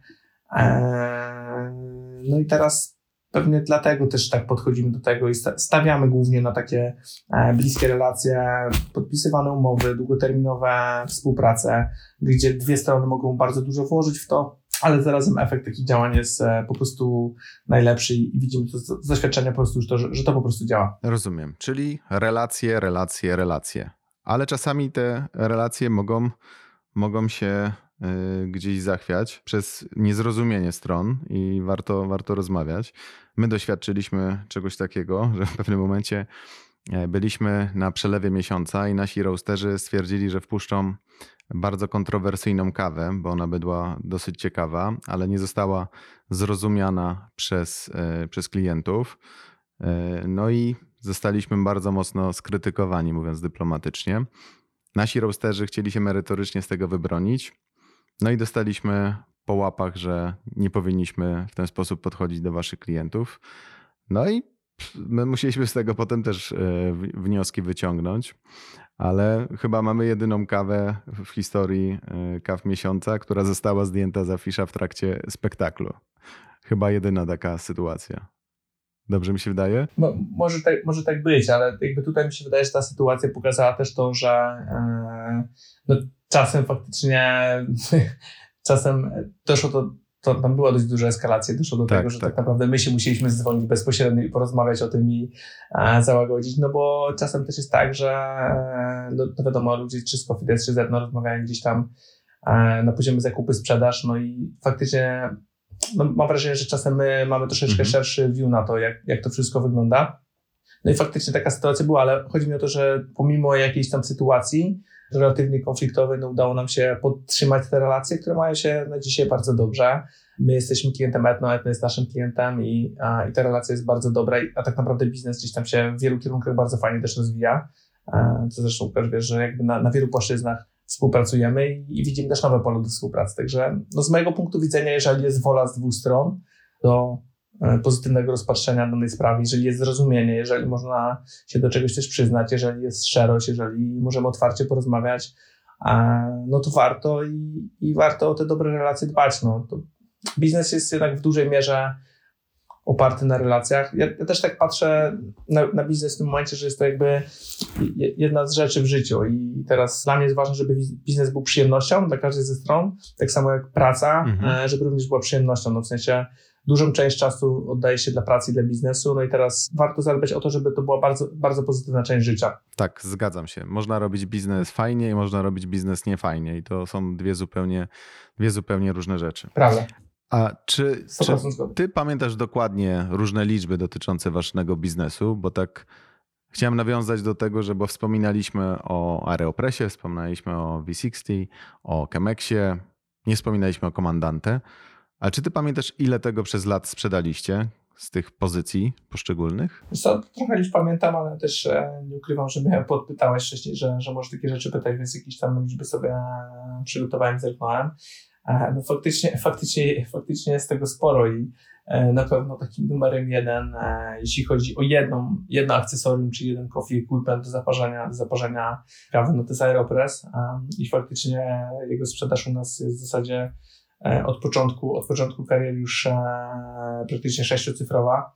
E, więc jest to naprawdę sporo aeropresów, które dziś tutaj. Sześciocyfrowa. Praktycznie tak. No. Mhm. Także są to aeropresy sprzedane w Polsce, ale nie tylko, bo jeśli chodzi o aeropresy, to jesteśmy dystrybutorem dla nich w większej części środkowo-wschodniej Europy. Mhm. Więc rozmawiam też tutaj o, o, o innych krajach tutaj w naszym regionie. Natomiast tak, no to jest numer jeden. Jeśli chodzi o inne rzeczy, e, no to na pewno V60, tak jak powiedziałem wcześniej, w którymś momencie bardzo mocno też wierzymy w ten produkt, bardzo mocno go e, promujemy. No ja sam osobiście też, e, jak robię rano kawę, to robię V60. Uważam, że z mojego punktu widzenia jest to najfajniejsza metoda, najbardziej powtarzalna, dająca taki napar, jaki po prostu lubię, mhm. ale nie są to aż takiej ilości. Aeropress wydaje mi się, że też jest częściej kupowany jako, jako gadżet, jako coś na prezent, jako coś, co łatwiej zabrać w podróż. E, natomiast co jest ciekawe, V60, e, którego sprzedaje się, e, sprzedało się pewnie porównywalnie we wszystkich, mówię, wersjach, może troszeczkę mniej, ale we wszystkich wersjach, bo, ma, rozmawiam tutaj o przezroczystych, o, o rozmiarze 1, o rozmiarze 2, o jakichś setach, czyli zestawach, w których, w których jest V60, ale co jest ciekawe, jak dużo sprzedaje się filtrów do V60, czyli widać, że V60 jest taką metodą do zaparzania kawy na co dzień. Mhm. Aeropress e, jednak widać, że relatywnie rzadziej ludzie zaparzają kawę w Aeropressie, tak przynajmniej z naszego punktu widzenia jako, jako dystrybutora. Czy V60 jest takie, że ludzie chyba dużo częściej po tę kawę? No, wydaje mi się, że mm, jest łatwiejszy do zrozumienia. Co prawda jeden i drugi nie jest, nie wymaga jakichś nie wiadomo y, jakich zdolności, ale wydaje mi się, że V60 jest takim jest taką furtką do, e, do świata dobrej kawy, bo jest najprostszy w zrozumieniu i najprostszy e, potem w jego stosowaniu, co za Aeropressem już niekoniecznie, bo a to jedni robią metodę odwróconą, inni metodę normalną, no i trochę więcej kombinacji, trochę bardziej może odstraszać. Nie? Przynajmniej te... Jest jeszcze Chemex, ale to są dużo, dużo mniejsze liczby. Ale Chemex jest też drogi, prawda, więc Pewnie też z tego wynika. Mhm. No tak mi się wydaje, że jednak to, te, te 200 zł za, za ok, super wyglądający i designerski dzbanek, ale jednak szklany dzbanek to jest sporo kasy. Nie mam danych przygotowanych e, od strony kawiarek Bieletti, ale to jest jednak coś, ok, tego może nie wliczamy do takich, do takich akcesoriów, które są związane stricte z kawą speciality, czy, czy nie rozmawiamy o tym, natomiast no jest to bardzo często jakaś przepustka do, e, do lepszej kawy w domu i tak mi się wydaje, że wiele osób zaczyna przygodę. No od jakiegoś czasu jesteśmy wyłącznym dystrybutorem w Polsce mhm. marki A czy mogę tutaj zapytać Cię o jedną rzecz? No i to... Przepraszam, że Ci przerwę. Mhm. E, Możesz. Bo Proszę. Bialetti gdzieś poszły newsy takie prasowe chyba z rok temu, że Bialetti upadło i już więcej Bialetti nie będzie. No a wy macie cały czas sprzedaży. Jaka jest obecnie sytuacja e, z, z tą marką? Mhm. A, Czy Bialetti miało swoje dość duże problemy, jeśli chodzi o, o sytuację finansową, natomiast na ten moment ta sytuacja jest ok. A oni w pewnym momencie obrali strategię dość mocną wchodzenia w ogóle w akcesoria kuchenne i otwierania sklepów naziemnych, których otworzyli całkiem sporo, nie tylko we Włoszech, takich showroomów. Mhm. Z tego co pamiętam, to było kilkaset sztuk. W Pradze tak A nie, tylko w, nie tylko we Włoszech, ale też we Francji. W którymś momencie dość mocno się na tym przejechali. A te inwestycje były ogromne, a nie wszystkie te showroomy bardzo dobrze na siebie pracowały. Był tam problem finansowy, pojawił się inwestor branżowy. I z tego, co mi wiadomo, przynajmniej to ta sytuacja jest dużo, dużo lepsza. Była dość duża restrukturyzacja w firmie, pojawiło się dużo menadżerów z zewnątrz. No my, my dziś od około roku, jeżeli dobrze pamiętam, jesteśmy wyłącznym dystrybutorem na Polskę marki Bialetti i jakby nie, nie, nie, ma, nie ma problemu ani z dostępnością, e, współpraca układa się doskonale. Tutaj też jest zbudowana na bardzo mocnych relacjach e, z, z, z, jakby z rodziną zarządzającą. E, Także to jest to kolejny przykład, gdzie, gdzie przez kilka lat tak naprawdę pukaliśmy do drzwi i udało się e, przekonać e, Bialetti do Coffee Desk. E, No i mam wrażenie, że ta współpraca układa się bardzo dobrze. E, Plany, które sobie narzuciliśmy, sprzedażowe, są realizowane i, e, i, i myślę, że to jest z korzyścią bardzo dużą dla dwóch stron w Polsce. Czyli nie musimy się martwić o to, że e, mokki czy też kawiarki z Bialetti będzie trzeba kupować tylko w antykwariatach. nie, na ten moment nie. Myślę, że to jest taka niedoceniana cały czas metoda w Polsce, mówię w branży speciality. Natomiast jest, jest, jest trochę fanów i wiem, że sporo osób umie zrobić naprawdę dobre espresso w tej kawiarce. Mhm. No i często dla osób, które wolą espresso, no to jest to taki punkt startowy. No, główny problem z mokką wydaje mi się, że polega na tym, że większość ludzi po prostu przegrzewa, nie zdejmuje z gazu czy też ze źródła ciepła i, i ta ostatnia faza e, kawiarki naparu jest przeparzona i ona zmienia cały smak. To jest chyba główny problem, tak mi się wydaje, przynajmniej z moich obserwacji tak wynika. Może tak być. No, ja myślę, że jeżeli chodzi o kawiarkę i edukację, to myślę, że też wiele tutaj przed nami a, i myślę, że my jako Coffee Desk na pewno będziemy bardzo mocno promować a, generalnie robienie kawy w kawiarce jako punkt startowy. Mhm. E, mamy też trochę swoich pomysłów, tutaj nie chciałbym może tego nie ujawniać, ale myślę, że sporo może się dziać w temacie, w temacie kawiarek jeszcze na, na naszym rynku. Mhm. Sporo się będzie dziać i na pewno sporo się będzie dziać na polskim rynku. I tu mam takie pytanie, czy wy jako Coffee Desk nie obawiacie się, że przyjdzie tu Amazon i zamiecie ten rynek? Amazon albo AliExpress, albo ktoś inny z tych największych graczy? E, Wiesz co, no, pe- pewnie dobre pytanie i myślę, że jeżeli chodzi o Amazona, no to on może mieć tak duży wpływ, że, em, że faktycznie może nie tyle co pozamiatać, co pozmieniać mocno rynek, ale myślę, że bardziej samego Amazona to, to, to mogą bać się inne marketplace'y czy inne sklepy e, internetowe w Polsce, które jakby są z większym asortymentem. Jest ciężko powiedzieć, czy Amazon by wpłynął bardzo źle, czy może neutralnie, czy może nawet mógłby nawet troszeczkę pomóc Coffee Deskowi. E, A to z kilku przyczyn. Po pierwsze, myślę, że wejście Amazona do kraju zmienia totalnie rynek e-commerce, czyli jakby nakłady Mhm. Takiego Amazona, który wchodzi do Polski, zmieniają w ogóle środowisko e-commerce'owe w danym kraju. Zakładam, że w Polsce ten rynek, który jest jeszcze cały czas rynkiem relatywnie młodym, bardzo dynamicznym, to ten rynek bardzo szybko, dość mocno zaczyna przyspieszać i bardzo szybko nadrabia te zaległości, które, które miał do, do, do świata zachodniego. Pamiętajmy, że my w Polsce też mamy bardzo dużo nadrobienia do, do krajów zachodnich, więc ten rynek będzie się definitywnie rozwijał w Polsce. Amazon na ten moment nie wydaje mi się, że był graczem na rynku kawy specialty. Pamiętajmy, że w rynku kawy specialty chodzi o małe społeczności, Mhm. o relacje, o świeżo wypalaną kawę, o dużą rotację produktów, e, więc ja do końca nie mam przekonania takiego, że, że Amazon mógł być e, pośrednikiem w przypadku kawy specialty. Jednak numerem jeden w Coffee Desk akurat jest e, jako produkt, jako kategoria jest kawa specialty. Mhm. I pomimo tego, że jesteśmy bardzo mocni w akcesoriach kawowych, zawsze będziemy jako cała grupa akcesoriów, no to jest to e, przodująca rzecz. Jako jedna e, mniejsza kategoria to kawa specialty jest dla nas numerem jeden, więc ja tutaj jestem mm, o to raczej też spokojny. Plus to, że wydaje mi się, że Coffee Desk nie jest takim miejscem, gdzie, gdzie idziemy i kupujemy, nie wiem, bo jest najtaniej, bo, e, bo, bo mamy największy asortyment, tylko wydaje mi się, że Coffee Desk jednak ma za sobą to coś, że a jednak my edukujemy rynek, że mamy naziemne również, ok, na razie dwie lokalizacje, ale chcemy to, jakby to też dość mocno rozwijać, a, w kierunku tego, żeby mieć więcej kontaktu z klientem również na ziemi. Mm, więc jakby tutaj mamy też naprawdę sporo planów. Będziemy wdrażać nowy e-commerce w najbliższej przyszłości, który też będzie mocno zmieniał tą naszą relację z klientem i to jak się komunikujemy online'owo, co, co można zobaczyć sobie na stronie. Więc mamy naprawdę bardzo dużo planów rozwojowych, chociażby, nie wiem, subskrypcję kawową.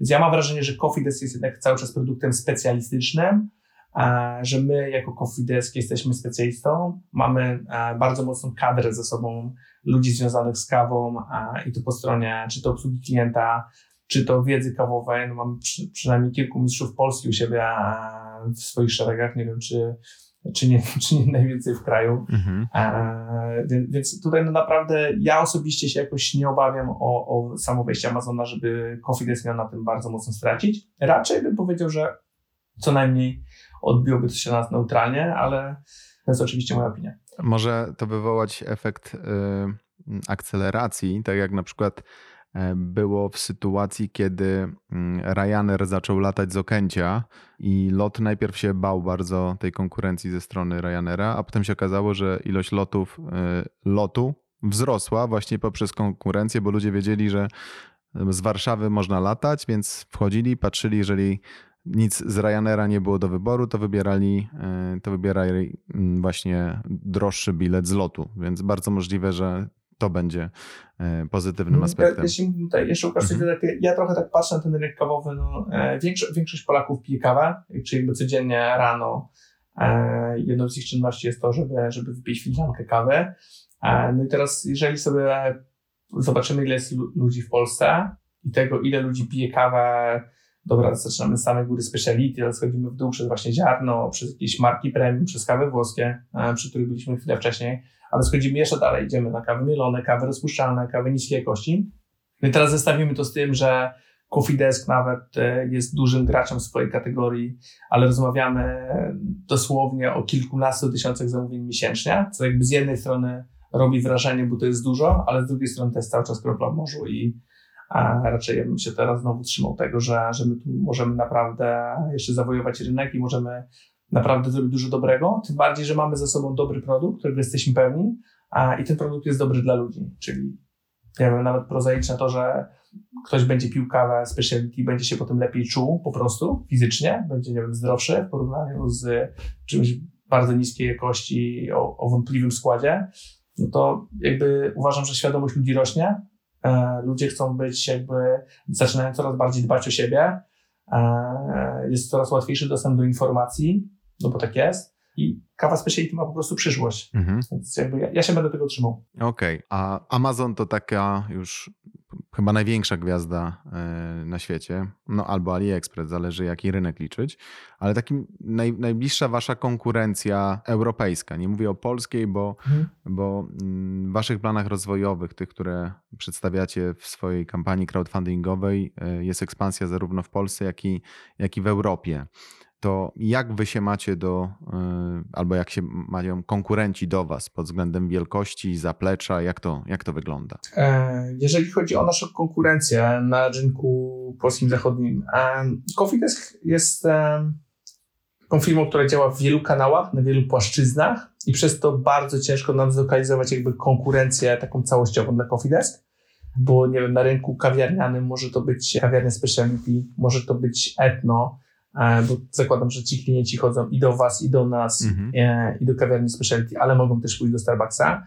E, jeżeli chodzi o kanał B2B, to tak naprawdę w zależności od produktu, nie wiem, jeżeli teraz znowu weźmiemy sobie do ręki kawiarkę Bialetti, to jesteśmy wyłącznie dystrybutorem, no i ciężko znaleźć jakby taką e, bezpośrednią konkurencję. Ok, może to być dostawca innej kawiarki, ale tych, jakby tych kanałów B2B, segmentów B2B, tego jest tak dużo, bo tam są różne akcesoria, różne kawy, różne ekspresy sprzedawane do innych dystrybutorów, do innych e-commerce'ów, do kawiarni, do biur. teraz ok, no w przypadku dostarczania kawy do biura czy ekspresu do biura, to ta konkurencja jest ogromna, też funkcjonuje na tym rynku i wiecie, jaki jakby to jest trudny rynek i my akurat w ten rynek za bardzo nie idziemy. Mhm. E, ale znowu, to jest jakby e, ciężko wskazać jedną firmę czy, czy, czy jednego gracza, a potem przeniesiemy się na rynek e-commerce i, i, i będziemy konkurować z innymi sklepami internetowymi w Polsce, e, albo na przykład z palarniami i z ich sklepami internetowymi, ale z drugiej strony, który sklep internetowy oferuje kilkadziesiąt brandów speciality. I to wszystko e, jakby zacząć, trudno mi się rozmawia o tym pytaniu, bo ciężko mi wskazać taką jedno, nie wiem, e, konkurencję w postaci jednej firmy, czy na rynku polskim, czy zagranicznym, bo w przypadku różnych segmentów, w przypadku różnych kanałów e, konkurujemy zupełnie z kimś innym, mhm.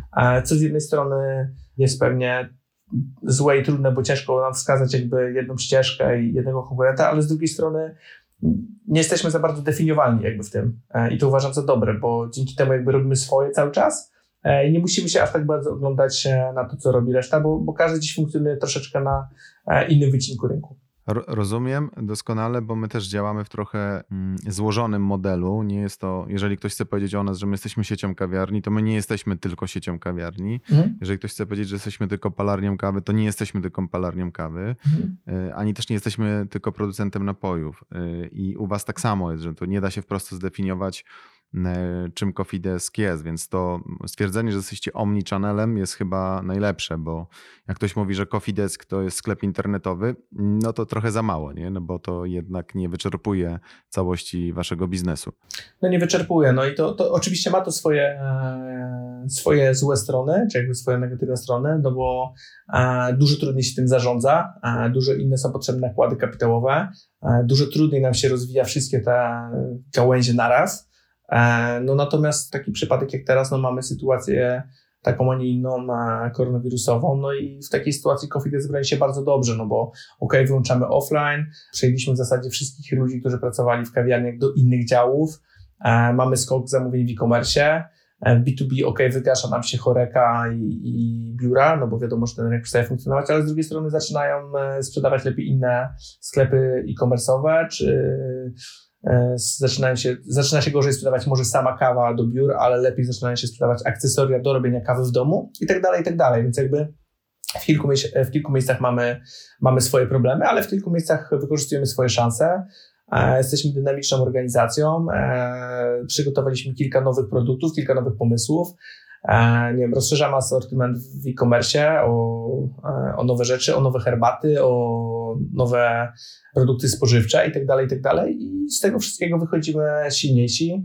E, I, I za pierwszy kwartał, czy tak jak patrzę na połowę drugiego kwartału, mamy wyniki dużo lepsze niż sobie założyliśmy na początku, więc jakby tutaj pomimo jakby tych trudności czasem w zarządzaniu tym trudnym czasem mechanizmem i zorganizowanym, no jest to, jest to też e, na pewno duża siła. Czyli wasz model pozwala wam działać w bardzo różnych y, sytuacjach rynkowych i bardzo różnych rzeczywistościach. No na ten moment tak to wygląda. A duże są wzrosty w sprzedaży e-commerce, bo słyszy się z wielu stron, że e-commerce przeżywa teraz złote żniwa w tym okresie e, pandemii. Czy u was też tak, e, to są rzeczywiście złote żniwa? Nie, nie wiem, czy złote żniwa, natomiast no, były dni pewnie dni lepsze, czy tygodnie, teraz to się troszeczkę uspokaja, natomiast no, zdecydowanie widzimy wzrost e, wyższy niż oczekiwaliśmy.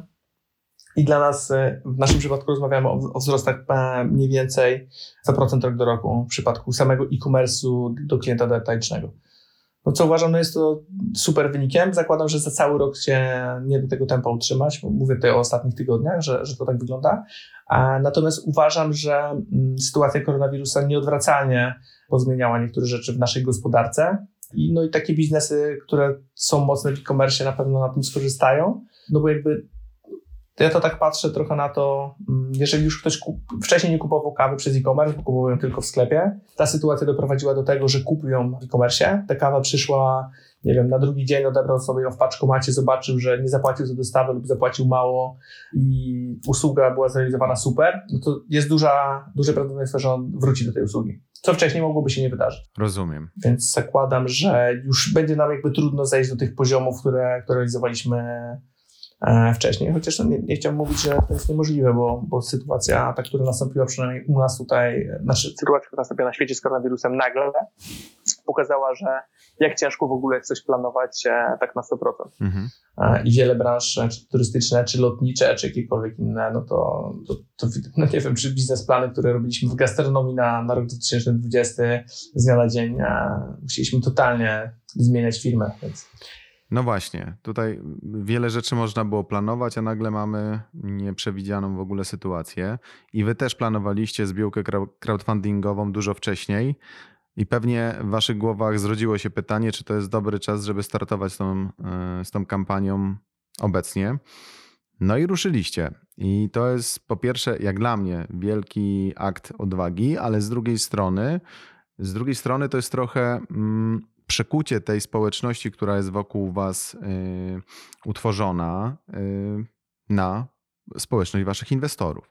Co prawda widzę, że y, nie wszyscy zrozumieli dokładnie o co chodzi w tej e, akcji crowdfundingowej, bo pojawiły się gdzieś e, takie stwierdzenia, że to jest e, skok na kasę, że nie wiadomo po co to teraz robicie, no ale to był dużo wcześniej zaplanowany jakiś etap rozwoju biznesu, który jak dla mnie, który jestem olbrzymim miłośnikiem crowdfundingu, bo i, e, i występuję tutaj i jako kiedyś e, inwestowałem w, jeszcze dawniej w różnego rodzaju e, biznesy i my przeprowadzaliśmy kampanię crowdfundingową, bo jest to tak naprawdę poniekąd odpowiedź na wielkie korporacje, na, wielki, na świat wielkiego kapitału, żeby pozostać e, niezależnym na tym rynku, a móc się nadal rozwijać. Ale mimo wszystko, przez to, że ten rynek crowdfundingowy jest w Polsce dosyć świeży, to nie wszyscy go rozumieją i często to jest traktowane jako, nie wiem, ostatnia deska ratunku, jako ułatwienie sobie finansowania, bo nie podołaliśmy e, w danych czasach, że nie, nie byliśmy w stanie w inny sposób zapewnić sobie finansowania, to teraz idziemy do wszystkich po prośbie. No ale to nie tak, prawda? A, tak, zdecydowanie. Zgadzam się z, z tym, co powiedziałaś. Czekaj, żeby się nie pogubić w tym. E, po pierwsze tak, no to jest coś, co planowaliśmy od dawna. E, my rozglądaliśmy się za inwestycją od dłuższego czasu. Ostatnie kilka miesięcy, kilkanaście miesięcy nawet patrząc wstecz, gdzieś sporo rozmawiając z funduszami inwestycyjnymi, z firmami venture capital i tak dalej. E, jednak nie znaleźliśmy z nikim takiej jakby ścieżki, żeby obu stron było bardzo po drodze. E, stąd w którymś momencie zwróciliśmy się, zdecydowaliśmy mocniej na crowdfunding, który wcześniej nie wydawał nam się może idealną formą e, inwestycji, ale teraz z perspektywy czasu patrzę na to z dużym zadowoleniem. Jesteśmy bardzo, bardzo się cieszymy, że, że poszło to w tym kierunku i że jednak crowdfunding doszedł do skutku faktycznie tak jest, że jest to aktem trochę odwagi, bo faktycznie się wahaliśmy po tym, jak zaczęła się, e, rozpoczęła się sytuacja z koronawirusem i zerknęliśmy na to i faktycznie obawialiśmy się tego dość mocno, że może to nie do końca jest dobry moment, że może lepiej to przeczekać, że nie wiadomo, czy, czy ludzie będą skłonni inwestować. I pewnie jest e, teraz taki moment, że ludzie nie chcą aż tak inwestować kasy jak chwilę wcześniej i, i pewnie to tempo, pomimo tego, że jest bardzo fajne, jest niższe niż mogłoby być. Natomiast tak teraz z perspektywy czasu mówiąc, no jakby my, Coffee cały czas tutaj jest, Coffee cały czas chce się rozwijać, e, myślimy bardzo długoterminowo, mm, bardziej chcemy wiedzieć, co będzie z punktu widzenia biznesu, co będzie za kilka czy, czy, czy kilkanaście lat, żeby Coffee był cały czas e, mocną marką, która, która może pomagać ludziom rozwijać się, rozwijać się w kawie, czy, czy pić kawę. I, i, I, patrzymy na to w ten sposób, no, czy to jest skok na kasę, no akurat Coffee Desk e, faktycznie, żeby, żeby móc się rozwijać, żeby iść tam, tam, tam gdzie chce i żeby rozwijać te wszystkie projekty, potrzebuje inwestycji. Natomiast e, no, teraz nasza sytuacja akurat obecnie jest no, no lepsza niż kiedykolwiek, jeżeli chodzi o taki operacyjny biznes na co dzień. E, I okej, okay, faktycznie tak jest, że, że wiele osób zwraca uwagę na nasze wyniki finansowe z tamtego roku. E, dość mocny wzrost przychodów, ale słaba rentowność, e, rok wcześniej również. Tylko chciałbym zauważyć, że my od początku rozwijamy się organicznie, od początku rozwijaliśmy się bez inwestycji. No nie wiem, czy łatwo znaleźć jakby innej komercji, które no, rządzą się tymi prawami, że zajęcie rynku jest drogie i kosztuje i te pierwsze lata są, są mocno skierowane na inwestycje. No od początku rozwijamy się z własnej kasy, od początku jesteśmy rentowni. E, I wydaje mi się to już dużym osiągnięciem, więc teraz patrzenie na, na rentowność, czy, czy ona ma 2%, czy 1, czy 3, czy ta EBITDA jest razy 50, e, no z całym szacunkiem, ale to jakby nie jest ten moment, e, w którym się na to patrzy. Już widzimy po tym roku, że ten rok będzie dla nas dużo lepszy. Ok, może no nie wszyscy jakby wiedzą, za chwilę będziemy publikować wstępne wyniki za pierwszy kwartał i, i będzie można na to zerknąć. Więc nie jest to, nie, nie, nie, jest to, nie jest to z mojego punktu widzenia przynajmniej, czy z naszego punktu widzenia skok na kasę, to jest raczej mm, przemyślany ruch, gdzie widzimy duży potencjał rozwoju rynku, ogromny wręcz, e, i w Polsce i za granicą. E, nie chcemy tego stracić. E, chcemy realizować nasze założenia w tempie przynajmniej takim, jak robiliśmy, lub nawet większym. Chcemy zmieniać nasz e-commerce i B2C, i B2B na nowy, chcemy otwierać kolejne showroomy, kawiarnie. Mamy plan na połączenie tego na, na to, żeby, żeby Polska ro, rosła w siłę, jeżeli chodzi o kawę speciality. Będziemy uruchamiać subskrypcję kawową, także mamy tutaj sporo rzeczy do zrealizowania i po prostu chcemy je robić na najwyższym możliwym e, światowym poziomie. E, chcemy mieć koło siebie team najlepszych możliwych ludzi i chcemy iść do przodu, więc z mojego punktu widzenia bardziej tak. Jeżeli chodzi o, no bo tutaj sporo osób e, zatrzymuje się przy tej rentowności, no to z, z mojego czy zarządu punktu widzenia, no nie jest to moment na optymalizację rentowności. Oczywiście będziemy to robić, jest wiele miejsc, gdzie, mhm. gdzie, gdzie możemy to poprawiać, ale z naszego punktu widzenia cały czas to jest moment, kiedy chcemy zajmować bardziej rynek, chcemy, chcemy docierać do jak najszerszego grona ludzi, którzy chcą pierwszą kawę i, i to jest cały czas moment inwestycji. A, na, na rentowność a, przyjdzie czas. Nie jesteśmy startupem, ale to jest cały czas młoda organizacja. Przepraszam? Na rentowność przyjdzie czas. Tak mi się, ja, ja, to, ja to tak widzę, że, że tutaj przy tej większej skali, jeżeli Cofideskowi dałoby się wejść na poziom tam 100 czy 200 milionów przychodów, no to wtedy te ruchy związane z optymalizacją mogą mieć bardzo duży impact już i e, wtedy te 3, 4 czy 5% rentowności z, z tych przychodów no, pokaże bardzo fajny E, wynik netto, e, czyli. E, ja tutaj gdzieś widziałem takie porównania, że no, wchodzą na crowdfunding spółki, które prognozują EBITDA jakąś tam za 3 lata i wtedy na tej EBITDA to będzie wskaźnik 10 razy EBITDA i wtedy bar, jakby bardziej wartościowe jest kupować takie firmy.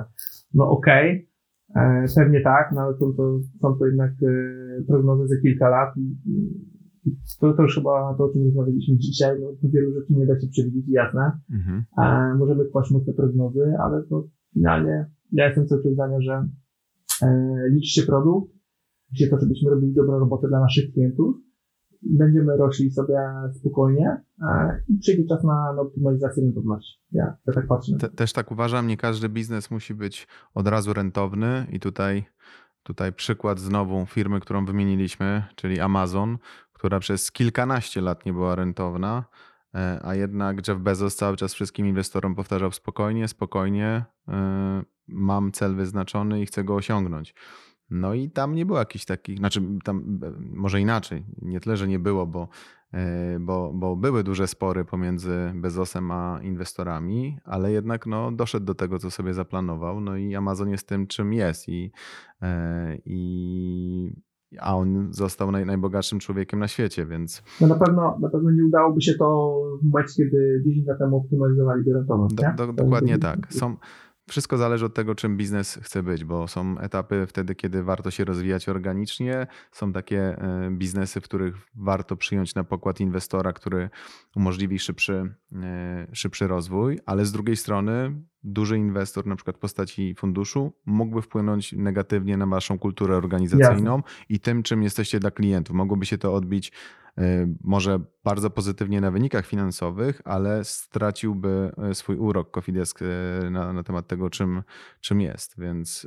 Pełna, pełna zgoda i dlatego wydaje mi się, że nawet, nawet dla osób, które chcą zainwestować, to może nie jesteśmy inwestycją dla każdej osoby, może nie jesteśmy tak wyrachowani jak, jak każda inna firma. Stoi za tym po prostu też pasja, chęć dostarczania dobrej kawy, zmieniania świata kawy na, na lepszy i wydaje mi się, że też na, najbliższe lata też pokażą, że mamy jeszcze w głowie sporo pomysłów, które pewnie jeszcze bardziej będą szły w tą stronę i, i to jest jakby naszym celem. I, wierzymy, po prostu jakby wierzymy w to, że, mm, że, że to, co robimy ma sens, że jest to, jest to też sensem dla naszych klientów i dla naszych a, ludzi, z którymi pracujemy i pewnie no, nie, nie, dla każdego jest to inwestycja. Jeżeli, jeżeli już jesteśmy przy tym punkcie, pewnie chyba my też byśmy chcieli, żeby inwestować w nas ludzie, którzy wierzą w nas i, w nasz produkt. Wtedy po prostu będziemy jakby wszyscy razem i będziemy razem mogli a, robić tankową rewolucję. Dokładnie. A ja jeszcze mam takie pytanie na koniec odnośnie, odnośnie innej kampanii, która obecnie trwa, bo wasza była zaplanowana dużo wcześniej, a obecnie e, Brisman, czyli jeden z pierwszych, z pierwszej kawiar, jedna z pierwszych kawiarni speciality na polskim rynku, czyli e, obecnie, obecnie zarządzany tylko i wyłącznie przez Mateusza Gacę, a wcześniej wywodziła się z niego również Agnieszka Rojewska, czyli mistrzyni, mistrzyni świata baristów z 2018 roku, czyli to e, lokal o, o wielkiej historii i, i szkoda było, żeby cokolwiek mu się stało. No to Mateusz nie czekał na to, co się może wydarzyć, nie czekał na to, czy rząd mu da wsparcie, tylko stwierdził, że zacznie zbiórkę, ale przy okazji da ludziom coś w zamian, czyli na, napisze razem ze swoimi ludźmi książkę o, o polskiej scenie kawowej, o historii kawy speciality w Polsce. E, I no i wiem, że dzielnie zbiera, natomiast pytanie, że jak ta książka wyjdzie, to ona się pojawi w Kofidesku? Myślę, że tak. E, na, na pewno trzeba tu porozmawiać z naszym działem zakupów tych dalej, jakie mają plany, no bo takie, czasem to nie, jest tak, że CEO wchodzi w kompetencje każdego działu, to jest nie tak. E, ale dokładnie tak jak powiedziałeś, no, ja mega szanuję pracę od samego początku, bo to jest gość, który działa po prostu. E, I on się, on się nie ogląda, on bierze sprawy w swoje ręce. Jest, jest, e, jest mega zawodowcem w temacie i kawy, i przedsiębiorczości. I takich ludzi nam tutaj trzeba, więc jakby zdecydowanie tak. Nie, nie o to chodzi, żeby czekać na, na jak już zresztą chyba też zobaczyliśmy przy całym koronawirusie, nie czekać na to, z czym nam pomoże państwo czy rząd. No to jakby tutaj czasem, co niektórzy mogli się pewnie zawieść w stosunku do tego, jakie było tempo tych rzeczy i łapą ale pomocy. Mhm. Jasne. No dobrze. Łukasz, ja bym z chęcią jeszcze pogadał z Tobą z dwie kolejne godziny, ale nas, nasz czas dobiega końca, więc chciałbym tylko, żebyś powiedział tak na koniec, jaką Ty widzisz przyszłość polskiego rynku kawy e, w najbliższych latach, mm, a zwłaszcza na tle Europy, jak, jak się będzie rozwijał? To fakt, bardzo szybko ten czas w ogóle minął. Też uważam, że jest jego jest. Natomiast jeżeli chodzi o polski rynek, no ja już to powiedziałem wcześniej podkreślę też teraz, uważam, że jeśli chodzi o kawę speciality, to, to wszystko najlepsze jest przed nami.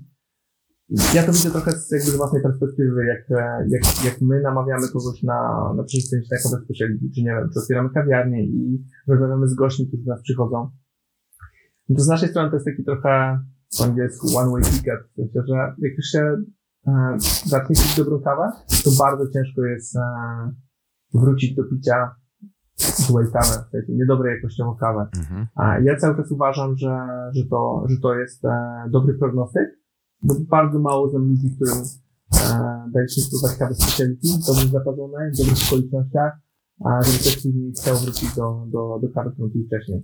Więc ja na to tak patrzę i uważam, że Polacy są jednak świadomym narodem i e, mamy sobie dużo do udowodnienia. Też jesteśmy z natury takimi walczykami generalnie. E, więc uważam, że, że Polska, widać to nawet po tym, jak, jak ostatnio powstają palarnie, jak wiele ich powstaje, palarni speciality, jakie są jakości. I mówię to jakby w tym dobrym sensie. Mm, jestem pewien, że, że będzie dobrze i że jest jeszcze nasz czas, bo tak naprawdę my z Camon Speciality aż tak bardzo mocno za, za granicę nie wyszliśmy. Mhm. E, myślę, że dużo częściej my jednak importujemy na razie e, kawy z innych e, palarni do Polski. Przed polskimi palarniami jeszcze, jeszcze dużo dobrego i widać to też po tym, jakiej jakości ta kawa, jak jest robiony marketing, jak, jak wyglądają opakowania i tak dalej, i tak dalej. To mega idzie do przodu. I myślę, że Tutaj jest jeszcze dużo przed nami. Jeżeli chodzi o kawiarnię, no to może już ten boom na ilość otwieranych kawiarni jest troszeczkę za nami, ale myślę, że też te kawiarnie, które powstają, te koncepty są coraz lepiej przemyślane i to też jakby rozmawiamy gdzieś na kuluarach w branży, jakie rzeczy jeszcze, jakie rzeczy są przed nami, czy jakie projekty powstają w głowach, no to tutaj też jestem przekonany, że, że dużo dobrego jeszcze, no, ludzie na, na maksa sobie zaczynają cenić jakość, dobrą obsługę, to jaki vibe panuje w kawiarni speciality. Także myślę, że e, tutaj też jeszcze dużo dobrego przed nami. To super. Optymistycznie należy patrzeć w przyszłość, pomimo tej sytuacji, która obecnie się kończy. Zaczynają się otwierać e, kawiarnie, rynek kawowy będzie się rozwijał. Jestem dokładnie tego samego zdania. A mam nadzieję, że jak się spotkamy znowu z naszymi słuchaczami za jakiś czas, będziemy mogli powiedzieć, co się zmieniło od czasu e, wygaszenia pandemii. Nie wiem, czy wygaszenie to dobre, to dobre słowo na tą obecną sytuację, ale do, do powrotu do nowej normalności. Okay. ja, ja dziękuję z tej strony Łukasz, też z tego, że, że byłeś naprawdę super przygotowany i dzięki za te, za te wszystkie pytania. Dziękuję wszystkim bardzo serdecznie. Dziękuję Tobie, Łukaszu. To był kolejny odcinek podcastu Coffee on Air. A ja wszystkich zapraszam do subskrybowania mojego podcastu na platformach podcastowych, zwłaszcza na Spotify, na Apple Podcast, Google Podcast i innych. Do usłyszenia. Coffee On Air